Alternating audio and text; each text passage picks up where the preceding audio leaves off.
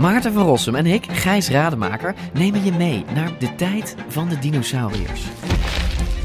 Ja, jij vindt het gemene beesten Het is gewoon eigenlijk. gemene beesten. Ja, Kijk, kijk naar ze. Beesten zijn niet gemeen. We zijn het eigenlijk nooit eens. Maar T-Rex is toch veel sexier. Nee, ik vind de kakkerlak net zo sexy als T-Rex. Ja, ik zie dat je daar moeite mee hebt. Voor iedereen die vroeger al van dino's hield en nu nog steeds een beetje, luister naar DinoCast.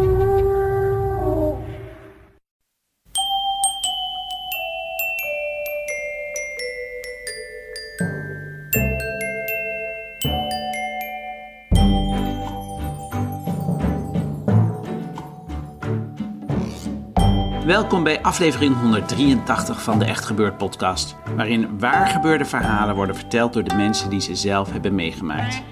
In deze aflevering een verhaal van Teun van Essen, twee weken geleden verteld tijdens het Echt Gebeurd gala in de Kleine Comedie. En het thema van de avond was tieners.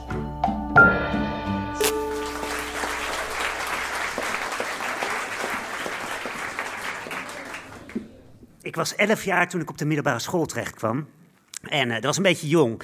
En dat was niet vanwege iets stoers dat ik een klas had overgeslagen of zo.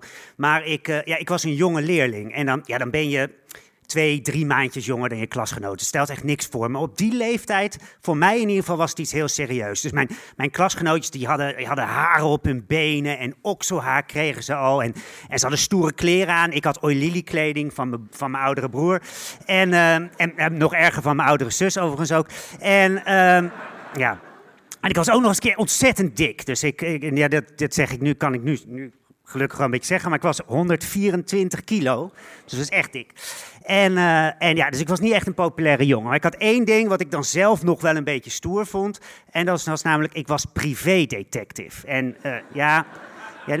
Dus niet, het is dus niet dat ik met een Sherlock Holmes pijp door, eh, door, door het huis liep of zo. Nou, dat deed ik ook wel, maar daar was er iets voor. Maar ik had een echt serieus privédetective bureau. Dus ik had een cursus gevolgd. Dat via de krant kon je dat toen nog, kon je een advertentie, wat Denda International. En daar vond je dan een, ja, dan kon je via Ramboers, werd dat naar je toegestuurd voor 400 gulden. Nou, dat was ontzettend duur. Sloeg ik helemaal nergens op die cursus. Maar ik volgde de cursus voor privédetective. Ik had eigen briefpapier. Ik had gespaard voor een nachtkijker, voor portofoons. Ik had zo'n zo'n hesje als dit, maar dan met allemaal van die zakjes, weet je wel. Met allemaal gadgets en zo. Heel, heel tof.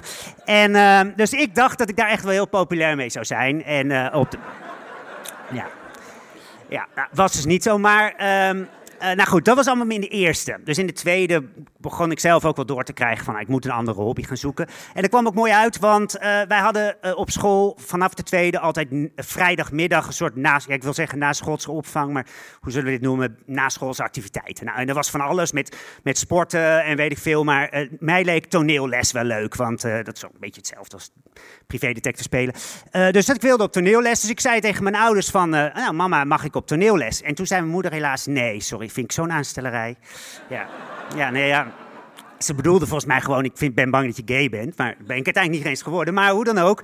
eh, eh, ik denk dat dat erachter zat. Maar in ieder geval, toneelles, dat mocht dus niet. Dus ik moest op fotografiecursus. Nou, dat was op zich wel even leuk. Maar die docent, die, die, die gaf ja, een fotostel en die zei, dan gaan we foto's maken. Nou ja, dat was nog met rolletjes en zo. Dus dan ja, was je week aan het wachten of tot uiteindelijk die foto's af waren. was allemaal niet zo spannend. Dus wat deed ik? Ik sneakte weg bij die eh, fotografieles en ik ging eh, bij dat schooltoneel kijken. En er was een hele lieve moeder die dat gaf en zij heette Esther. En eh, ik ging daar elke keer als een soort regieassistent bij zitten. Ik mocht dus niet meedoen, maar eh, ik kon natuurlijk wel bij zijn. En nou, die leerlingen, er waren altijd wel een paar van ziek. En elke keer vroeg ik aan haar van, mag ik dan die rol overnemen van die zieke? Dus niet tijdens de voorstelling of zo, maar tijdens de repetities. Nou, dus dat mocht. Dus ik speelde elke rol die mij in dat stuk voorkwam. Eh, maar ik vond mezelf natuurlijk wel een beetje zielig dat ik dan nooit op dat toneel mocht staan. En in de derde was dat nog steeds zo. Dus ik zat erbij en die docent, of die, die moeder, Esther dus, die, die bedacht, ja, die Teun, die vindt dat toneelspelen zo leuk. En dat mag wel niet van zijn moeder, maar ik moet een soort truc verzinnen om hem toch dat toneel op te krijgen. Dus wat zij zei, ze had het godenspel geschreven. En dat was een beetje een ingewikkeld stuk met, met eh, Griekse goden en Romeinse goden of Germaanse goden. denk ik. Nou goed, heel ingewikkeld verhaal. En wat had zij nou verzonnen? Het verhaal is zo ingewikkeld, het heeft eigenlijk nog een verteller nodig. En dus vroeg ze aan mij van ja, kan jij de reddende engel zijn en kan jij voor mij tijdens de voorstelling de verteller zijn? En zodoende zat ik opeens met een opplakbaard en grijs haar uh, op het schooltoneel. Ik vertelde mijn ouders dat ik, uh, dat ik hielp bij het licht en geluid. Ook een belangrijke rol natuurlijk. Maar uh, stiekem speelde ik dus de verteller. Had ik best een grote rol en ik was er ook echt super trots op. Nou, en met die adrenaline op die laatste voorstelling, einde van het schooljaar, ik zit in de derde, loop ik naar achter en ik kijk in de ogen van het aller, aller, allermooiste meisje ooit. Vond ik toen. Ja, ik heb nu ook vriendin, dus het zou gênant zijn als ik nog steeds het allermooiste maak. Toen vond ik het zeker.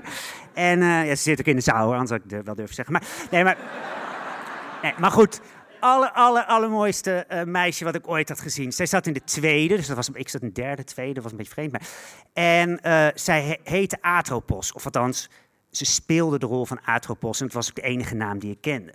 Maar goed, ik, ik, ook bij het applaus had ik haar hand vast en ze had een heel mooi kostuum aan. Ik had een belachelijk kostuum aan dat ik nooit meer aan zou durven. Maar zij had iets heel moois aan met glitters en ze de lippen waren mooi zilver gesminkt en het was echt wonderschoon.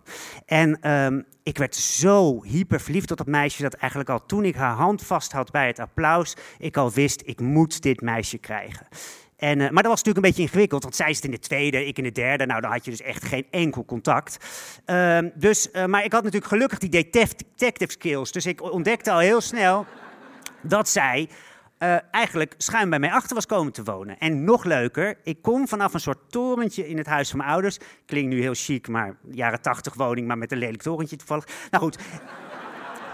Uh, maar uh, vanuit dat torentje kon ik dus precies haar, dus ik dacht dat, ik gokte dat zij daar dan sliep, haar kamer zien. Dus met mijn detective gear, mijn een camera en een nachtkijker en een, uh, en een heel groot fotostel met een lens, zat ik iedere dag te kijken voor dat raam.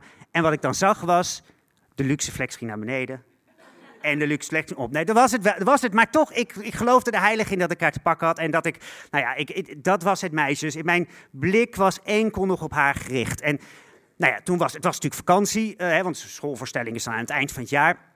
Ik had inmiddels haar adres, dus ik dacht er is maar één manier om met haar in contact te komen. Jonge mensen denken nu Instagram, Snapchat, stond allemaal niet. Dus de enige manier was een kaart sturen. Dus op vakantie koop ik een kaart en ik schrijf haar een lief kaartje over dat ik vond dat ze zo goed gespeeld had en dat ze zo leuk was. Nou, nee, ik zei natuurlijk niet dat ze heel leuk was, maar ik, vond het wel leuk. Maar... En um, die kaart gaat op de bus. Nou, het vervelende is, dan weet je dus niet, komt die kaart aan, wat vindt ze ervan, weet je allemaal niet. Maar een paar weken later viel ook bij mij een kaart op de, uh, op de mat. Want zij was op vakantie in Florida. Ze had mijn kaart nog net op tijd gekregen. En liet ze me weten: Ik vind het leuk om je nog verder te ontmoeten. Liefs en een kusje. Dus opeens had ik een daadwerkelijk soort van date met Atropos. Maar dat is natuurlijk nog niet die geregeld. Uh, dus had ik nog, nog een soort truc verzonnen. Ik had weer een kaartje gestuurd. Ik was namelijk voorzitter van de leerlingenraad geworden inmiddels. En ik dacht, weet je wat, ik vraag haar gewoon of ze ook bij de leerlingenraad komt. Ik meteen een soort goede connectie. Dus ik had een kaartje gestuurd, we hadden gebeld en ze had ja gezegd. Dus zij ging naar de derde, ik zat in de vierde en samen zaten we op de leerlingenraad. En nou, dat, wij werden echt de aller, allerbeste vrienden. Wij, wij, wij liepen hand in hand. Wij, we gingen van alles en nog wat doen samen. Ik, ik, ik ik viel wel eens bij haar in slaap op, op, in, tegen haar aan. En we deden de meest romantische dingen, vond ik. Alleen echt verkering kregen we niet. Ik was, werd daar een beetje onzeker van. Maar in die tijd was het dus niet dat je verkering vroeg, of althans dat durfde ik niet. Uh, en en ik, ja, ik kon dus ook heel moeilijk achterhalen van, nou, vindt ze mij nou leuk? En ik had ook niet echt met haar vrienden contact. Um, maar toen kwam er eigenlijk, ja, helaas kwam dat detective verhaal toen een beetje op een negatieve kant. Want um, haar moeder die vroeg uh, tijdens de meivakantie aan mij van, Teun, zou jij misschien op onze kat kunnen passen? Want zij ging op vakantie twee weekjes en uh, die kat die moest verzorgd worden. Nu ben ik allergisch voor katten, maar dat maakt helemaal niet uit. In dit geval deed ik dat. Dus ik kreeg die sleutel en ik ging voor de eerste keer netjes die kat eten geven en snel weer weg. En de tweede keer dacht ik opeens, oh, maar wacht eens even. Als ik nu die sleutel van het huis heb, dan kan ik ook naar haar slaapkamer toe. Dus ja, ja bedoel, dat doe je dan. En uh, dus ik, dus ik uh, sneak die trap op, eerste verdieping, daar sliep ze nog niet. Tweede trap op, Hadden ze ook al super, super lekker, vond ik de mooiste geur die er bestond. Daar hadden ze namelijk hun wasmachine staan. En daar droogden ze ook de was. Weet je, een zolderkamer met dan eerst nog zo'n voorkamer. Kennen jullie vast wel. En daar, uh, daar rook het dus altijd en naar schone was en naar natte hond. Want die was stond uit te droog. En die geur, die combinatie was echt heerlijk. En al haar kleding rook daar ook naar. Dus ik kende die geur ook van haar. Vond ik heerlijk. Dus ik, uh, ik kom in haar slaapkamer terecht. Ik begin ook een beetje aan haar kleding te ruiken. Ik, ik, ik pak haar ondergoed uit de kast. Ik pak haar bij hazen. Ik zou willen zeggen, ik trok ze aan. Dat is niet zo, maar ik, nou, ik snuffelde daar aan. En, ja, iedereen die nu denkt dat, dat, dat je dat niet doet, dat doe je dan gewoon, hoor, geloof me. Ja, en uh, uiteindelijk ook natuurlijk uh, zie, ik dat, uh, of, zie ik haar bed en ik, ik, ja, ik bedenk me opeens van, hé, hey, wacht eens even. Bed is nog opgemaakt, zij heeft hier gewoon geslapen. Dus ik begon nou, te aaien over dat bed en ik ging stiekem in dat bed liggen. En ik denk dat ik ook nog andere dingen deed die een jongen dan doet in die periode. En, en denk ik. Um, maar, uh, nou ja, ik werd steeds nieuwsgieriger. Hè? Dus die vakantie duurde gelukkig twee weken. Dus dit, is, dit ging dus ook in fases, zeg maar. En elke dag wilde ik iets meer haar ownen, zeg maar. En uh, dus ik ging ook een beetje zoeken in laadjes en zo. Ja, heel dubieus hoor, allemaal. Ik ging ook echt nou, En uiteindelijk zit, ga ik een beetje zo achter de bed. Ik een beetje te kijken of ze misschien stiekem uh, spannende blaadjes had of zo. Maar dat hebben meisjes natuurlijk helemaal niet. Maar goed. En vind ik tussen de matras en de lattenbodem een boekje. En dat boekje, dat is niet zomaar een boekje, dat is haar dagboek.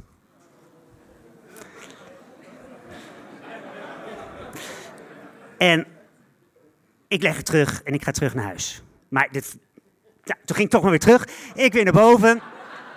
Open dat boek en ja hoor, ik lees de eerste bladzijde. Nou, het begint een beetje treurig. Eerste vijf bladzijden zitten te lullen over een of andere Kurt Cobain. Maar goed, die had uiteindelijk zelfmoord gepleegd, dus toen kwam het allemaal weer goed. Maar die, dat was de eerste vijf pagina's waren geen, geen succes voor mij. Maar goed, ik las verder en ze, had het over het feit dat ze, dat ze graag push-up haast wilde, maar dat ze dat niet aan de moeder durfde te vertellen. En wat, voor wat ze vertelde, wat voor een soort geurtjes ze van hield en zo. Maar goed, ik zat natuurlijk door te bladeren totdat ik kwam bij het moment dat ze mij leerde kennen. En wat, wat staat er nou? Wauw, ik heb een kaart van Teun gekregen. Die jongen waar ik zo verliefd op ben. Ja. Nou, dat dacht ik dus ook.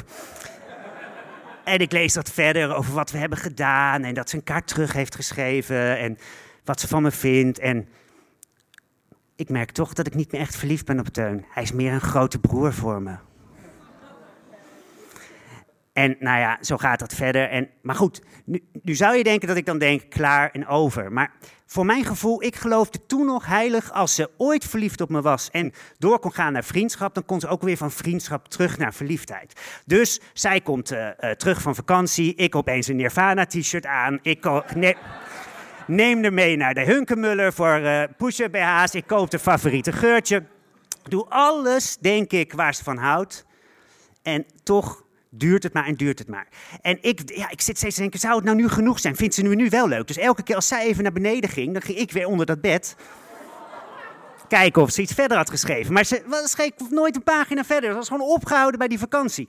Dus na nou ja, weer vijf, zes weken vraag ik haar van... Goh, uh, schrijf je nog wel eens iets in je dagboek eigenlijk? Uh, ze zegt, ja nee, ik had al een lange tijd een dagboek, maar dat ben ik al de hele tijd kwijt lag dus onder de bed, want kon moeilijk zeggen natuurlijk. Maar, uh, maar ik ben wel in iets nieuws begonnen. Dus nou, oké, okay, uh, uh, dus zeg ik, nou, nou, komt een moment dat ze weer naar beneden gaat om iets te halen of thee te halen, denk ik. En dus ik ga op haar, in, op haar bureau kijken van wat is dat nieuwe dagboek dan? En op dat moment, ik zit te bladeren en ik vind het en ik sla het open. En op dat moment komt ze boven. Wat doe je? zegt ze tegen me. En ik, ik klapte echt helemaal dicht. Ik, ik schaamde me zo diep. Ik, ik wist gewoon dat, ja, dat, dat onze vriendschap over was. Ik, ik wist zeker dat er geen manier meer was dat dit goed kon komen. En zo ontdekte ik dus in feite dat privédetective zijn wel een leuke hobby is, maar je moet het niet op je eigen leven toepassen. En ik, ja, ik, ik heb ja, vriendschap met haar echt volledig verbroken. Ik heb haar nooit meer gesproken sindsdien. Ze zat wel bij mij op school. Maar ze kreeg verkering met, met een hele vervelende jongen met heel vies tandvlees, vond ik altijd. Hij was super populair op school. Hij heette e Erik, heette die. Is nog altijd als mijn aardsrivaal, was hij altijd al. Maar, dus ik had ook het idee dat ze dat expres had gedaan, dat ze verkering met hem kreeg.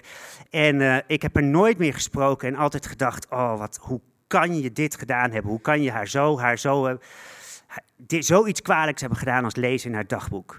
En heel veel later, dan zijn we tien jaar verder, ontstaat Facebook. En opeens zijn we allemaal een soort van privédetective, want het is natuurlijk super makkelijk om via Facebook vrienden te zoeken. Dus ik zoek erop, wat blijkt, ze is verhuisd naar Amerika en ik contact er toch nog. En uh, ik, ik, ik, ik, ik app er van, uh, hey, ben jij die Linda uit Amersfoort? Ja, Teun, oh, wat leuk om je nog weer eens te spreken. Vond ik al bijzonder. En, uh, en ik zeg, ja, ik wil je eigenlijk iets zeggen. Ze zegt, nou, dus app tegen je messenger, stuurt ze terug, ja, wat is er dan? Ik zeg, ja, ik wil je toch eigenlijk nog zeggen dat ik ontzettende spijt heb van het feit dat ik ooit in je dagboek heb gelezen. Waarop zij terug zegt, huh? Wanneer was dat dan? Dankjewel.